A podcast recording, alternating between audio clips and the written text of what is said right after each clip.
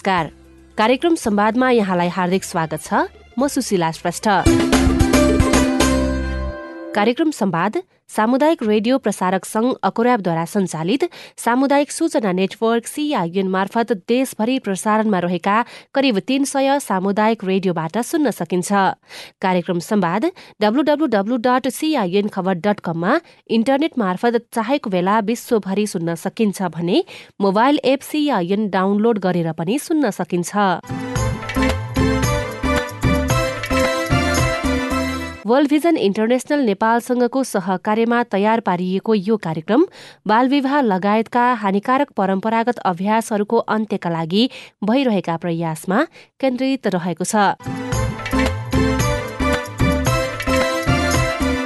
आजको कार्यक्रममा हामी नेपालमा बालविवाह लगायत हानिकारक परम्परागत अभ्यासको अवस्था यसको अन्त्यका लागि स्थानीय सरकारको पहल र धर्मगुरूको भूमिकाका विषयमा छलफल गर्नेछौं। हानिकारक परम्परागत अभ्यास अन्त्यका लागि नेपालको संविधानले मौलिक हक अन्तर्गत धारा उनातिसमा प्रत्येक व्यक्तिलाई शोषण विरूद्धको हक प्रदान गरेको छ। यसै गरी उपधारा दुईले धर्म प्रथा परम्परा संस्कार र प्रचलन वा अन्य कुनै पनि आधारमा कुनै पनि व्यक्तिलाई शोषण गर्न पाइने छैन भनी स्पष्ट रूपमा व्याख्या गरेर हरेक व्यक्तिले हिंसामुक्त जीवनयापन गर्न पाउने अधिकार पनि सुनिश्चित गरेको भए पनि नेपालमा लैङ्गिक हिंसा पूर्ण रूपमा अन्त्य हुन सकेको छैन। नेपाल सरकारले बालविवाह लगायत हानिकारक परम्परागत अभ्यास अन्त्यका लागि विभिन्न अभियानहरू पनि सञ्चालन गरिरहेका छन्। भीमेश्वर नगरपालिकाले कसरी बाल विवाह लगायत हानिकारक परम्परागत अभ्यास अन्त्यका लागि काम गरिरहेको छ त? साथी बुना घिमिरेले वडा नम्बर चारका वडाध्यक्ष एवं नगरपालिकाका प्रवक्ता तारानाथ चौलागाईसँग कुराकानी गर्नुभएको छ। भीमेश्वर नगरपालिका नेपालकै बाल मैत्री स्थानीय शासन घोषणा गरिएको मलाई लाग्छ दोस्रो नगरपालिका हो नेपालको। बागमती प्रदेशको पहिलो। बागमती प्रदेशको पहिलो हो। यसले पनि के देखाउँछ भने मैले भीमेश्वर नगरपालिकाकै कन्टेक्समा भन्दा चाहिँ शिक्षा चेतनाको हिसाबले भीमेश्वर नगरवासी अन्य गाउँपालिकाका कुना कन्दरामा भएका नागरिकहरूभन्दा अलि एजुकेटेड पनि हुनुहुन्छ। अलिकति आय आर्जन गर्न पनि सक्ने हुनुहुन्छ किनभने नजिकै सदरमुकाम छ। अलिकति जसले आय आर्जन गर्न सक्छ सदरमुकाममा आउजाउ हुन्छ। अलिकति बढी आर्थिक गतिविधि गर्नुहुन्छ। अनि नानीहरूको हिसाबले हेर्दा पनि सदरमुकाममा केही नभए पनि आठ नौवटा निजी विद्यालयहरू पनि छ सामुदायिक विद्यालयहरू पनि छ। त्यहाँ चाहिँ प्रतिस्पर्धा पनि हुन्छ गतिविधिहरूमा।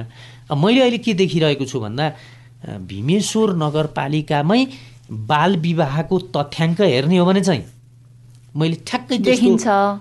अलिअलि अलिअलि अलिअलि देखिन्छ होइन? तर तुलनात्मक हिसाबले अन्तको भन्दा कम छ। त्यो मैले कम देखेको छु। तर अब यसलाई रोक्ने नै कुरा गर्दा चाहिँ एउटा विद्यालयबाटै सचेतनाको कार्यक्रम लानुपर्छ। हामीले पनि बजेट दिनुपर्छ। किनभने अहिले अहिले सबभन्दा ज्वलन्त हामीले गर्नुपर्ने काम के छ भने मैले देखिरहेको यो लागु औषध अहिलेको जेनेरेसनमा सबभन्दा बढी। त्यसपछि अहिले स्कुल उमेरदेखि नै एउटा राम्रो वातावरण निर्माण गर्न सकिएन भने बिग्रेको पनि धेरै देखिएको छ।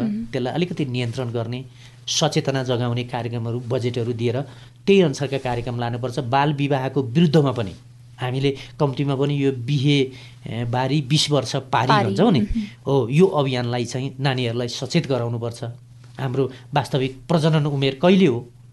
यी कुराहरू भोलि अहिले अस्वस्थ सानो कलिलो उमेरमै हामीले विवाह गर्दाखेरि भोलि हामी परिपक्व हुँदा चाहिँ हुनुभन्दा अगाडि नै नानी जन्मिसकेपछि हाम्रो स्वास्थ्यको अवस्था के हुन्छ? नानीहरूलाई दिनुपर्ने पोषणको अवस्था के हुन्छ? यी कुराहरू चाहिँ हामीले लानुपर्छ। सचेतता सचेतना कार्यक्रमहरू विद्यालय मार्फत नै दिनुपर्छ। स्थानीय सरकारले पनि चलाउनुपर्छ समुदायमा। त्यसो भयो भने हामीले तुलना गर्न सक्छौँ नि सबभन्दा बढी चेलीबेटी बेचबिखनका जिल्लाहरू अहिले त्यो भयावह स्थिति पनि छँदैछ होइन? त्यो हिसाबले हेर्दा हामी केही कम छौँ। तर त्यसलाई पनि हामीले हाम्रा कार्यक्रमहरूमा समुदायमा जोडेर लानुपर्छ। स्वास्थ्य र खास गरी स्वास्थ्य स्थानीय सरकार र विद्यालय यो मातहतबाट लानुपर्छ भन्ने लाग्छ। अब जस्तो स्थानीय तहहरूले अरू क्षेत्रमा चाहिँ ठुलो मात्रामा बजेट विनियोजन गरिने तर यस्ता बाल विवाह न्यूनीकरणको लागि चाहिँ थोरै मात्रामा लक्षित वर्ग भनिएको हुन्छ तर पनि थोरै मात्रामा चाहिँ कार्यक्रमहरू बजेटहरू चाहिँ विनियोजन हुन्छ। त्यसमाथि पनि प्रभावकारी रूपमा चाहिँ कार्यक्रमहरू सञ्चालन भएन भन्ने कुराहरू पनि आउँछ। यस्तो नहुनको लागि भीमेश्वर नगरपालिका यहाँको ओडाले चाहिँ के गरिरहेको छ? धन्यवाद छ। मैले विशेष गरी महिला बालबालिकाको क्षेत्रमा बजेट विनियोजन गरेको छु। बालबालिका एउटा विद्यालयसँग जोडेर बजेट विनियोजन गरेको छु। जुन कुरा आवश्यकता के हो विद्यालयले चाहिँ योजना निर्माण गरेर हामी कहाँ आउनुहुन्छ? अनि त्यही आधारमा हामी सम्झौता गराएर कार्यक्रम सम्पन्न गराउँछौँ। अर्को चाहिँ अब समुदायमा मेरै ओडाको कुरा गर्दा मेरै ओडामा त्यस्तो अवस्था रहँदा त्यसलाई लक्षित गरेर मैले कार्यक्रम बनाउनुपर्छ। मैले यसपटक यो यो अब उनासी असीमा बालबालिका भन्ने शीर्षकमा चाहिँ ठ्याक्कै बजेट छैन मैले भन्नै पर्छ। किनभने मसँग बजेट किताब नै यहीँ छ। तर मैले अपाङ्ग महिला ज्येष्ठ नागरिक र बालबालिका भनेर शिक्षामा जोडेर बजेट विनियोजन गरेको हुँ। विद्यालयले त्यो आवश्यकता ठहर्छ। हामी ए, पुनः पनि बजेटिङ गरिदिन्छौँ। मलाई लाग्छ आउँदो वर्ष हामी बालबालिका लक्षित गरेर बालबालिकाकै कार्यक्रममा बजेट विनियोजन गर्छौँ।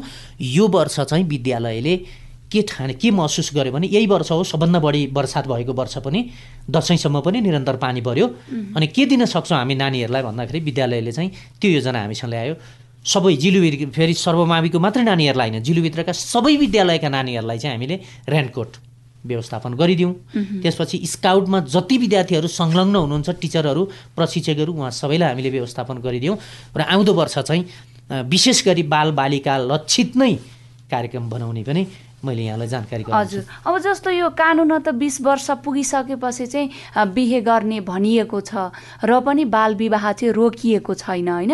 अब यसमा स्थानीय तह पनि अलिक बढी जिम्मेवारी चाहिँ हुनुपर्ने पनि देखिन्छ। अब सचेतनाका कार्यक्रमहरू गर्ने एकातिर छन्। विशेष गरी अब यस्ता कार्यक्रम पनि त्यति धेरै प्रभावकारी नभएको अवस्थामा अब कस्ता कस्ता योजनाहरू बनायो भनेदेखि पक्कै पनि यस्ता बाल विवे बिहेहरू चाहिँ रोकिन्छ अथवा चाहिँ अभिभावकहरूले चाहिँ कस्तो खालको चाहिँ ध्यान दिनुपर्छ? एउटा कुरा त पहिलो कुरा राज्यले निर्माण गरेका कानुन चाहिँ जनतासम्म पुर्याउनु पर्यो। किनभने हामी भन्छौँ नेपालको संविधान भनेर भन्छौँ। तर संविधानभित्र नै विवाह गर्ने उमेर त किटान गरिएको छ नि। हो। कम्तीमा पनि कानुनमा व्यवस्था भएका कुरा हामीले समुदायमा समुदायका नागरिकहरूलाई सचेत गराउनुपर्छ। एउटा कुरा। अर्को कुरा सचेत गराउँदा गराउँदै पनि घटना हुन्छ। किनभने जहाँनिर बढी कानुनका जानेफकार हुन्छन् त्यहाँनिर सबभन्दा बढी घटनाहरू पनि हुन्छन्। किनभने त्यसलाई उल्ट्याउने पल्ट्याउने कानुनलाई पनि हरेक हरेक ढङ्गले व्याख्या गर्ने हुने हुँदा पहिलो कुरा सचेतनाका कार्यक्रम लानुपर्छ। दोस्रो कुरा त्यसरी घटनाहरू आइसकेपछि त्यसलाई त कानुनले त वर्जित गर्छ निषेध गर्छ। हामीले पहिलो कुरा त समाजका हरेक बा बुबा आमा नागरिकलाई सचेत गराउने गरी नै लिएर गयौँ भनेदेखि त्यो चाहिँ धेरै बढेर आउँदैन। त्यसलाई क्रमशः घटाउन लान सकिन्छ। अर्को कानुनी दायरामा पनि ल्याउनु पर्ने हुन्छ। किनभने उसलाई चाहिँ त्यस्तो घटना भएमा सुरक्षित ठाउँमा राख्नुपर्ने पनि अवस्था आउन सक्छ। यी कुरा चाहिँ हामीले कम्तीमा नि समुदायमा लानुपर्छ भन्ने लाग्छ। सचेतनाका कुराहरू पनि रहन रहन सक्छ। हामीले सत व्यवहार गर्न सकेनौँ सबैलाई समान न्याय गर्न सकेनौँ अनि एउटाको पछि आफ्नो अर्काको भन्न थाल्यौँ भने हामी ओडाध्यक्ष रहँदैनौँ। किनभने हामी त कसम खाएका छौँ नि। हामीले निर्वाचन जित्दै गर्दा हामीलाई निर्वाचन आयोगले कसम खुवाएको छ नि। आचार संहिता हामीले कम्तीमा भने शपथ ग्रहण गरेका छौँ। म कुनै पनि नागरिकलाई कसैको पक्षमा पनि लाग्ने छैन कसैको विपक्षमा पनि लाग्ने छैन। म निर्वाचन जितिसकेपछि मेरो आफ्नो उसको भन्ने छैन। म सत्य र न्यायको पक्षमा हुनेछु सबैलाई समान व्यवहार गर्नेछु भनेर हामीले कसम खाएका हुन्छौँ। म आफ्नो तर्फबाट म प्रतिबद्ध छु। म मेरो र अर्काको भन्ने छैन किनभने अन्याय र अत्याचार भएछ भने मेराले पनि दण्डित हुनुपर्छ। राम्रो काम गरिकन नियतवश कसैलाई नियोजित फसाउने गरियो भने त्यहाँ पनि सत्यता बाहिर आइहाल्छ। त्यसैले म र आफ्नो तर्फबाट चाहिँ मैले प्रतिज्ञा गरेको पनि छु र म गर्छु पनि तपाईँहरूको मिडिया मार्फत गर्छु पनि। अब मैले अब जस्तो बाल विवाह न्यूनीकरणको लागि स्थानीय तहहरूले कस्ता कस्ता खालका योजनाहरू बनाउन सक्यो भने चाहिँ अहिले भइरहेका बाल विवाहहरू चाहिँ थप कम हुन्थे। हो। अब जस्तै एउटा भन्छ सचेतना कार्यक्रम। एउटा कानुनले व्यवस्था गरेका कुरा चाहिँ हामीले कम्तीमा पनि आमा समूहको बिचमा हाम्रा वडामा पनि त टोल विकास संस्था छन् आमा समूह छन् युवा क्लबहरू छन् गुठीहरू छन् यिनीहरू स्थानीय संस्थाहरू मार्फत एउटा सचेतनाको कार्यक्रम लान सकियो। अर्को अब कानुनमा व्यवस्था भएका कुराहरूलाई पनि सुसूचित गराउनु पर्यो। त्यसै गरी अब यसलाई सडक नाटक नाटकको रूपमा लान सक्ने भयौँ। किनभने सचेत गराउन छ्याङ्ग एउटा हामीले चाहिँ एउटा भनौँ न मुफसलमा एउटा चाहिँ नाटक बनाएर प्रस्तुत गऱ्यौँ एउटा दण्ड हुँदै गरेको। एउटा राम्रो चाहिँ समुदायलाई सचेत गराउने चाहिँ कविता वक्तृत्व कला सडक नाटक यस्ता कार्यक्रमहरू हामीले समुदायमा लान सक्यौँ भने समुदायले सहजै बुझ्छ यो कुरालाई। नानीहरूले पनि बुझ्नुपर्छ बुझ्नु बुझ्नुहुन्छ। यसले पनि एउटा न्यूनीकरण गर्छ भन्ने लाग्छ। जस्तो विशेष गरी अब बाल विवाही हुनुको चाहिँ मुख्य कारण चाहिँ यहाँले के देख्नु भएको छ?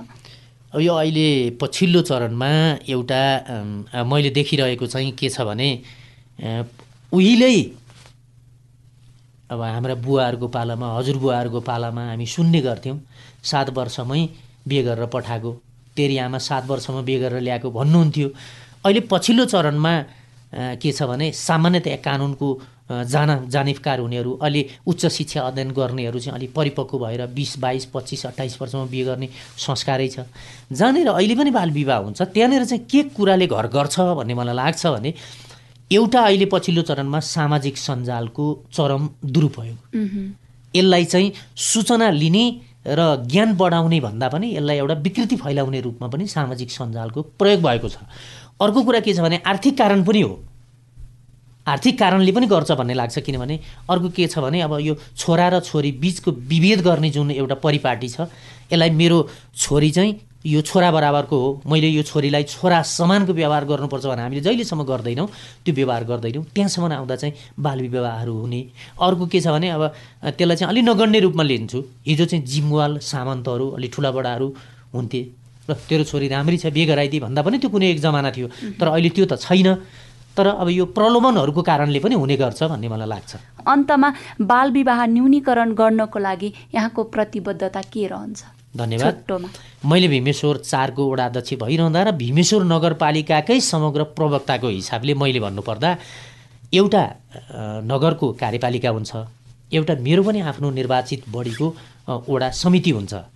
मैले त्यहाँबाट म बाल विवाहलाई निरुत्साहित गर्न मेरो तर्फबाट भीमेश्वर नगरपालिकामा नगरका हरेक यो बालबालिकाका कार्यक्रमहरूमा महिलाका कार्यक्रमहरूमा मैले आफ्नो फोरमलाई अधिकतम बाल मैत्री बनाएर यो बाल विवाह विरुद्धको अभियानमा लाने चार नम्बर वडालाई पनि बाल विवाह रहित वडा बनाएर लाने कुरामा म प्रतिबद्धता जाहेर गर्दछु। तपाईँ अहिले साप्ताहिक रेडियो कार्यक्रम संवाद सुनिरहनु भएको छ। वर्ल्ड भिजन इन्टरनेसनल नेपालसँगको सहकार्यमा सिआइएनले तयार पारेको यो कार्यक्रम बालविवाह लगायतका हानिकारक परम्परागत अभ्यासहरूको अन्त्यका लागि भइरहेका प्रयासमा केन्द्रित रहेको छ। पछिल्लो समय नेपाल सरकारले हानिकारक परम्परागत अभ्यास अन्त्यका लागि गरेका राष्ट्रिय तथा अन्तर्राष्ट्रिय प्रतिबद्धता अनुरूप विभिन्न नीति तथा कानूनहरू निर्माण गरी सकारात्मक पहल गर्दै आएको छ। तैपनि यस्ता अभ्यास कतै न कतै सक्रिय रहेको हामीले देखिरहेका छौं भोगिरहेका छौं। यस्ता लैंगिक विभेद असमानता तथा हिंसा निर्मूल पार्न प्रभावकारी कानून निर्माण तथा कार्यान्वयनका लागि सरकार प्रतिबद्ध हुनुपर्छ। पछिल्लो समय बाल विवाह लगायत हानिकारक परम्परागत अभ्यास अन्त्यका लागि धर्मगुरूहरूको अहम भूमिका रहेको चर्चा पनि चलिरहेको छ। यस्ता हानिकारक परम्परागत अभ्यासहरू कुनै न कुनै रूपमा कुनै न कुनै धर्मसँग जोडिएर आउने र आस्थाकै कारण निरन्तरतामा बल पुगिरहेको पनि देखिन्छ। कार्यक्रममा अब भने हामी हानिकारक परम्परागत अभ्यास अन्त्यका लागि धर्मगुरूहरूको कस्तो भूमिका रहन्छ त भनेर किराँत धर्मका धर्मगुरू इन्द्र राईसँग छोटो कुराकानी गरेका छौं। साकुची सुम्दीमा पारुहाङ सेवारो झारती सेवारो म तीर्थराज मुकारुङ राई किराँत मुन्डुम संरक्षण समितिको सदस्य अब हाम्रो धर्म संस्कृतिले नै निर्देशित त होइन तर त्यो विकृत भएको केही रूपहरू छन् पाइन्छ त्यो जस्तो कि सांस्कृतिक रूपमा प्रयोग गर्ने मातमदिराहरूलाई अलिकति दुरुपयोग गरेर अलिकति मात्राभन्दा धेरै प्रयोग गर्ने अभ्यासहरू कहीँ कहीँ भएको पाइन्छ। परम्परा चलेको भन्दा पनि त्यसलाई चाहिँ विकृत बनाइएर जस्तो मातमदिरा बढी सेवन गर्ने चाहिँ केही अहिले बढ्दै गरेको जस्तो पनि कहीँ कहीँ पाइन्छ। अब हाम्रो विवाहमा हाम्रो समाज समुदायमा चाहिँ अब दाइजो प्रथा छैन हगि हजुर बाल विवाह पनि छैन बोक्ती प्रथा पनि छैन। अलिकति बहुविवाहको चाहिँ प्रचलनहरू केही मात्रामा पाइन्छ। थोरै थोरै प्रतिशत होला सायद। हजुर त्यो चाहिँ किन भइरहेको छ जस्तो यहाँले आकलन गर्नुभएको छ? त्यो चाहिँ अब हाम्रो संस्कृति खुल्ला भएको कारणले त्यो संस्कृति खुल्लापनको चाहिँ दुरुपयोग गरेको अघि मैले भने महात्मदिरा चाहिँ सेवन महात्मदिरा प्रयोग गर्नुपर्छ। अब मुन्डुमले त्यो भन्छ संस्कृतिमा छ तर त्यसलाई दुरुपयोग गरेर अलिकति बेसी पिउने गरे जस्तै खुल्ला संस्कृति छ। अब उमेर पुगेपछि इच्छा अनुसारले चाहना अनुसारले मन मिलेकोमा बिहा गर्ने तर अब एउटा बिहा गरेकोमा अब अर्कोसँग पनि मन मिलेपछि फेरि बिहा गर्ने अब त्यो संस्कृतिको दुरुपयोगै भनौँ त्यसलाई पनि। त्यो बहुविवाहको केही केही रूप छ। पाइन्छ। हजुर। एउटा बहुविवाहको कुरा भयो अनि अर्को बाल विवाहको अवस्था चाहिँ कस्तो छ यहाँको समुदायमा? हाम्रोमा बाल विवाह त खै अहिलेसम्म मैले पाएको छुइनँ। अब कतै कतै अन्य समुदायसँग मिलेर बसेको ठाउँमा हुनसक्छ तर हाम्रै परम्परा हाम्रै समुदायमा चाहिँ बाल बिहा हुँदैन। किनभने बिहा कहिले गर्ने भन्दाखेरि हाम्रो मुन्डुमले चाहिँ के भन्छ भने हामीलाई फुलको रूपमा चित्रण गर्छ वर्णन गर्छ। फुल फुलेपछि बास्ना आउँछ फक्रिएर शोभायमान हुन्छ राम्रो देखिन्छ अनि त्यस पछाडि बिहा गर्ने योग्य हुन्छ भन्छ। त्यसले गर्दाखेरि बालविवाह गर्नु हुँदैन बालविवाह गरिँदैन भन्ने जनाउँछ हाम्रो चाहिँ मुन्डुमले चाहिँ। अनि त्यही अनुसारले हामी गर्छौँ गराउँछौँ पनि। हजुर। संस्कारमा संस्कृतिमा बाल विवाह छैन। तर आजभोलि चाहिँ देखिएको यो मागेर भन्दा पनि भागेर बिस वर्ष पुग्नुभन्दा अगाडि नै केटाकेटीले स्वेच्छाले विवाह गर्ने चलन बढ्दो छ अन्य समुदायमा।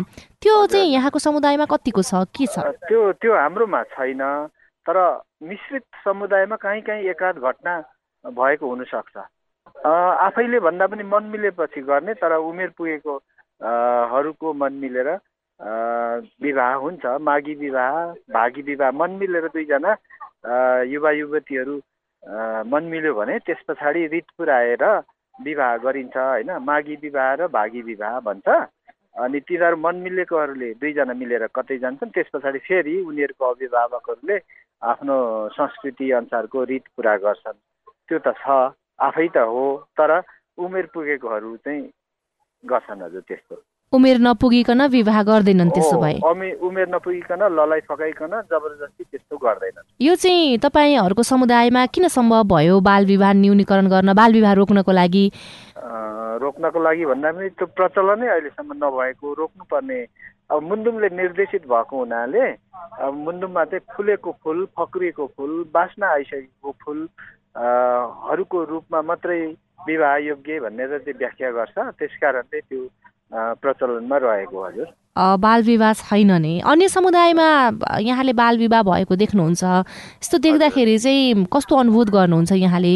यसलाई कसरी रोक्न सकिएला? के मान्नुहुन्छ? हजुर हजुर। अब त्यो चाहिँ देखिन्छ। जस्तो म सानो हुँदैखेरि एकजना मेरो छिमेकमा अधिकारी ब्राह्मण काकी हितेरी मितेरी साइनले काकी पर्ने हुनुहुन्थ्यो। उहाँको चाहिँ अब पाँच वर्षमा बिहा गरेको अरे पाएको हुनुहुन्थ्यो। बेहुला चाहिँ अनि उहाँ चाहिँ उहिले नै बितिहाल्नुभयो। मैले देख्दा नै उहाँको श्रीमान हुनुहुन्न थियो तर उहाँ अब भर्खर हाम्रो समुदायको चाहिँ बिहा गर्ने योग्य जस्तो देखिनुहुन्थ्यो। अब त्यो देखेको मैले कुरा त्यो छ अब सुनेको कुराहरू त बेग्लै कुरा हुन्। तर यस्तोलाई चाहिँ अब निरुत्साहित गर्नको निम्ति धर्मगुरुहरूले अब नियम कानुनले यस्तो भन्छ भन्ने पनि कुराहरूलाई लिएर आफ्नो समुदायमा सम्झाइ बुझाइ गर्यो भने अनि आफ्नो त्यो कार्यहरूलाई प्रयोगमा ल्यायो भनेदेखि चाहिँ सम्भव हुन्छ होला हजुर त्यो। यहाँको समुदायमा त बाल विवाह छैन तर अन्य हानिकारक परम्परागत अभ्यासहरू केही छन् भन्ने कुरा गर्नुभयो यहाँले। यस्ता हानिकारक परम्परागत अभ्यास अन्त्यका लागि धार्मिक अगुवाहरूको भूमिका यहाँ पनि अब धार्मिक अगुवा धर्मगुरु हुनुहुन्छ। कस्तो खालको भूमिका चाहिँ यहाँले निर्वाह गरिरहनु भएको छ यसलाई रोक्नको लागि? हामी आफूले समुदायहरू समाजहरू बुझेर र राष्ट्रको नियम कानुनहरू ऐन कानुनहरूलाई पनि बुझेर त्यही अन्तर्गत आफ्नो समुदायलाई डोर्याउनको निम्ति हामीले सचेत भएर लाग्नुपर्छ हजुर तनाखो भएर लाग्नुपर्छ भन्ने मेरो बुझाइ छ हजुर। म त्यही अनुसारले काम गरि पनि रहेको छु। त्यस्तो अब अहिलेसम्म त नकारात्मक छैन। हाम्रो चाहिँ अब सबै शुभ कार्यदेखि अशुभ कार्यसम्म हामी नै प्रयोग हुन्छौँ। हाम्रै अब त्यो प्रयोगमा हाम्रै चाहिँ अब गराइ अनुसारले अब त्यो हाम्रो संस्कृति अगाडि बढ्छ हजुर। अनि हामी चाहिँ हाम्रो मुन्डुमले के भन्छ त्यहीलाई मुन्डुमलाई नै बखान्दै अब हाम्रो समुदायको कर्मकाण्डहरू कार्यहरू चाहिँ गराउँछौँ। त्यस कारणले त्यसमा अब राम्रै अहिलेसम्म त पाइया छ अब बिना चाहिँ अब धर्मगुरुहरूको मत विपरीत हाम्रो समुदाय अहिलेसम्म हिँडिआएको पाइँदैन हजुर। जस्तो यहाँहरूले हानिकारक परम्परागत अभ्यास विरुद्ध चाहिँ यो चाहिँ हाम्रो शास्त्रमा छैन भनिरहँदाखेरि उहाँहरूको प्रतिक्रिया कस्तो आउँछ? यो चाहिँ जस्तो बहुविवाहकै कुरा गर्दाखेरि पनि बहुविवाह चाहिँ गर्न हुँदैन। यसलाई चाहिँ हाम्रो धर्मले पनि बन्देज गरेको छ भन्ने कुरा गर्दाखेरि त्यस्ता व्यक्तिहरूको प्रतिक्रिया चाहिँ कस्तो आउँछ भन्न खोजेको? अब त्यो बहुविवाह को बारेमा चाहिँ के छ भन्नु होला भने अब एकाध सबै पूर्णका पूर्ण चाहिँ समुदायका सदस्यहरूले सबै नीति अन्तर्गत रहन्छन् भन्ने त हुँदो रहेनछ त्यो कठिन रहेछ। केही प्रतिशतले अब त्यसलाई चाहिँ अब अमान्य गरेको पनि पाइन्छ कता कति त्यस्तो त अब मान्छेहरूमा जुनसुकै समुदायमा पाइँदैन रहेछ। हाम्रो समुदायमा पनि एकाध थोरै प्रतिशत। अब त्यस्तो हाम्रो मुन्डुमहरू हाम्रो नीति रीतिरिवाजहरू नमान्ने पनि सदस्य कहीँ भेटिन्छन्। त्यस्तो हुन्छ तर अब हामीले धेरै प्रतिशत चाहिँ हाम्रो मुन्डुमले निर्देशित भएको अनुसारमा नै हाम्रो समुदाय चलिआएको पाइन्छ। जस्तो अन्य समुदायमा भएका हानिकारक परम्परागत अभ्यास न्यूनीकरणको लागि चाहिँ अब कस्तो खालको भूमिका चाहिँ निर्वाह गर्न सक्छन् धार्मिक अगुवाहरूले? के भन्नुहुन्छ यहाँले? हजुर त्यही हो समाजलाई चाहिँ अब सुसंस्कृत बनाउनको निम्ति आफ्नो आफ्नो धर्म संस्कृतिले निर्देशित गरेको कुराहरूलाई लागू गराउने त्यसमा चाहिँ अब विकृत केही छन् भने होइन गलत परम्परा छन् भनेदेखि चाहिँ त्यसलाई राम्रो सही बाटोमा ऐन नियम कानुन अन्तर्गत रहेर जानुपर्छ भनेर चाहिँ धर्मगुरुहरूले गुरु हुनलाई प्रयास गर्नु पर्यो र आफ्नो समुदायलाई डोर्याउनलाई प्रयासरत रहनु पर्यो। मेरो चाहिँ सोचाइमा त्यस्तो लाग्छ। हजुर समुदायका तर्फबाट चाहिँ कस्तो खालको व्यवहार हुनपर्छ? यस्ता हानिकारक परम्परागत अभ्यास रोक्नको लागि। समुदाय पनि अब सचेत भएर ऐन कानुन नियम परम्परा मात्रै लाई सही परम्परालाई दिने गलत परम्परा चाहिँ अब यदि विकृत भएर आयो भनेदेखि त्यसलाई छोड्नेमा सुसूचित हुनु पर्यो। अब आफ्नो संस्कृति बुझ्नु पर्यो उहाँहरूले समुदायका सदस्यहरूले पनि र अब राष्ट्रको नियम कानुनहरूलाई पनि बुझ्नु पर्यो समयलाई पनि बुझेर समुदायका सबै सदस्यहरू अगाडि बढ्न कोसिस गर्नु पर्यो। त्यसपछि मात्रै अब समुदाय चाहिँ अब सुसंस्कृत भएर अगाडि बढ्छ भन्ने लाग्छ हजुर नेपाल सरकारले चाहिँ के गर्नुपर्छ ताकि यस्ता हानिकारक परम्परागत अभ्यासलाई हाम्रो संस्कारबाटै हटाउन सकियोस्? अब नेपाल सरकारले अब व्यावहारिक रूपमा ऐन कानुन बनाउनु पर्यो। त्यसको चाहिँ अब विकृतिहरू रोक्नका निम्ति र त्यो ऐन कानुनहरू बनाएकोलाई लागू पनि गर्न पर्यो। लागू गर्नेमा ज जसको चाहिँ हात रहनुपर्छ उहाँहरू चाहिँ त्यो आफ्नो कर्तव्य निर्वाह गरेर त्यो ऐन कानुनहरूलाई लागू गराउनेतिर सरकारमा रहनेहरू पनि विभिन्न निकायमा रहनेहरूले पनि आफ्नो आफ्नो फाँटबाट काम गर्नु पर्यो भन्ने जस्तो मलाई लाग्छ हजुर। यो सँगै कार्यक्रम संवादको निर्धारित समय सकिने लागेको छ। आजको विषयवस्तु तपाईँलाई कस्तो लाग्यो? बालविवाह लगायत हानिकारक परम्परागत अभ्यास अन्त्यका लागि तपाईँको केही अनुभव पो छन् कि? हाम्रो टेलिफोन नम्बर शून्य एक बाहन्न साठी छ चार छमा फोन गरेर दिइएको निर्देशन अनुसार तपाईँ आफ्नो अनुभव तथा सल्लाह सुझाव जिज्ञासा एवं प्रतिक्रिया रेकर्ड गराउन सक्नुहुन्छ। साथै तपाईँले हामीलाई हाम्रो Facebook page Community Information Network सिआइएनमा गएर पनि आफ्ना कुरा लेख्न सक्नुहुनेछ। हामी तपाईँको प्रतिक्रिया पर्खिरहनेछौ। वर्ल्ड भिजन इन्टरनेसनल नेपालसँगको सहकार्यमा सिआइएनले तयार पारेको कार्यक्रम संवादबाट प्राविधिक साथी सुरेन्द्र सिंहसँगै म सुशीला श्रेष्ठ पनि विदा हुन्छु। नमस्कार।